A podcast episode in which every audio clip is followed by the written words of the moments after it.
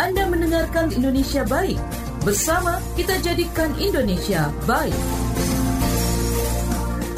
Yang pasti saya diundang sama Stapala untuk uh, kegiatan ini aja sudah sesuatu hal yang luar biasa. Ini uh, kalau orang juga pasti tanya urusannya apa nih Stapala sama Yayasan Lupus Indonesia hmm. gitu. Sedangkan saya sendiri adalah yang bergerak di bidang penyakit lupus. Kebetulan saya sendiri juga seorang lupus. Saya sendiri ingin mengajak sahabat Odapus untuk uh, bisa lebih mengenal alam.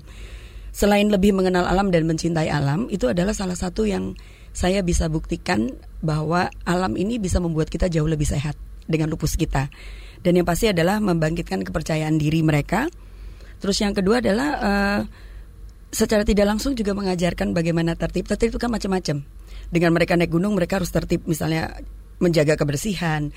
Itu juga akan nanti feedbacknya menjadi dia tertib dengan berobatnya dia, pengobatannya dia yang banyak sekali teman-teman lupus itu cukup bosan dengan itu.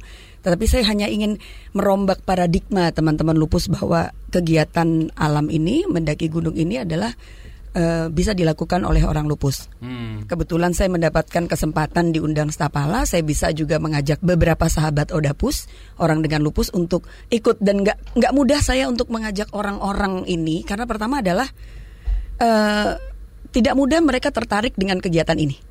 Hmm. Saya melihatnya itu. Saya bicara dari sisi luar yang tapi saya mencoba meyakinkan bahwa kalian akan menikmati. Ini bukan gunung yang jangan dibilang oh, nanti capek, nanti pipisnya gimana, nanti itunya gimana, seperti itu. Nanti bawa sampah enggak. Itu kita sama-sama belajar seperti kalau di sini kan kita suka lihat tuh menteri-menteri kalau di laut atau di mana di pantai buang-buang sampah. Ya ini kita di gunung.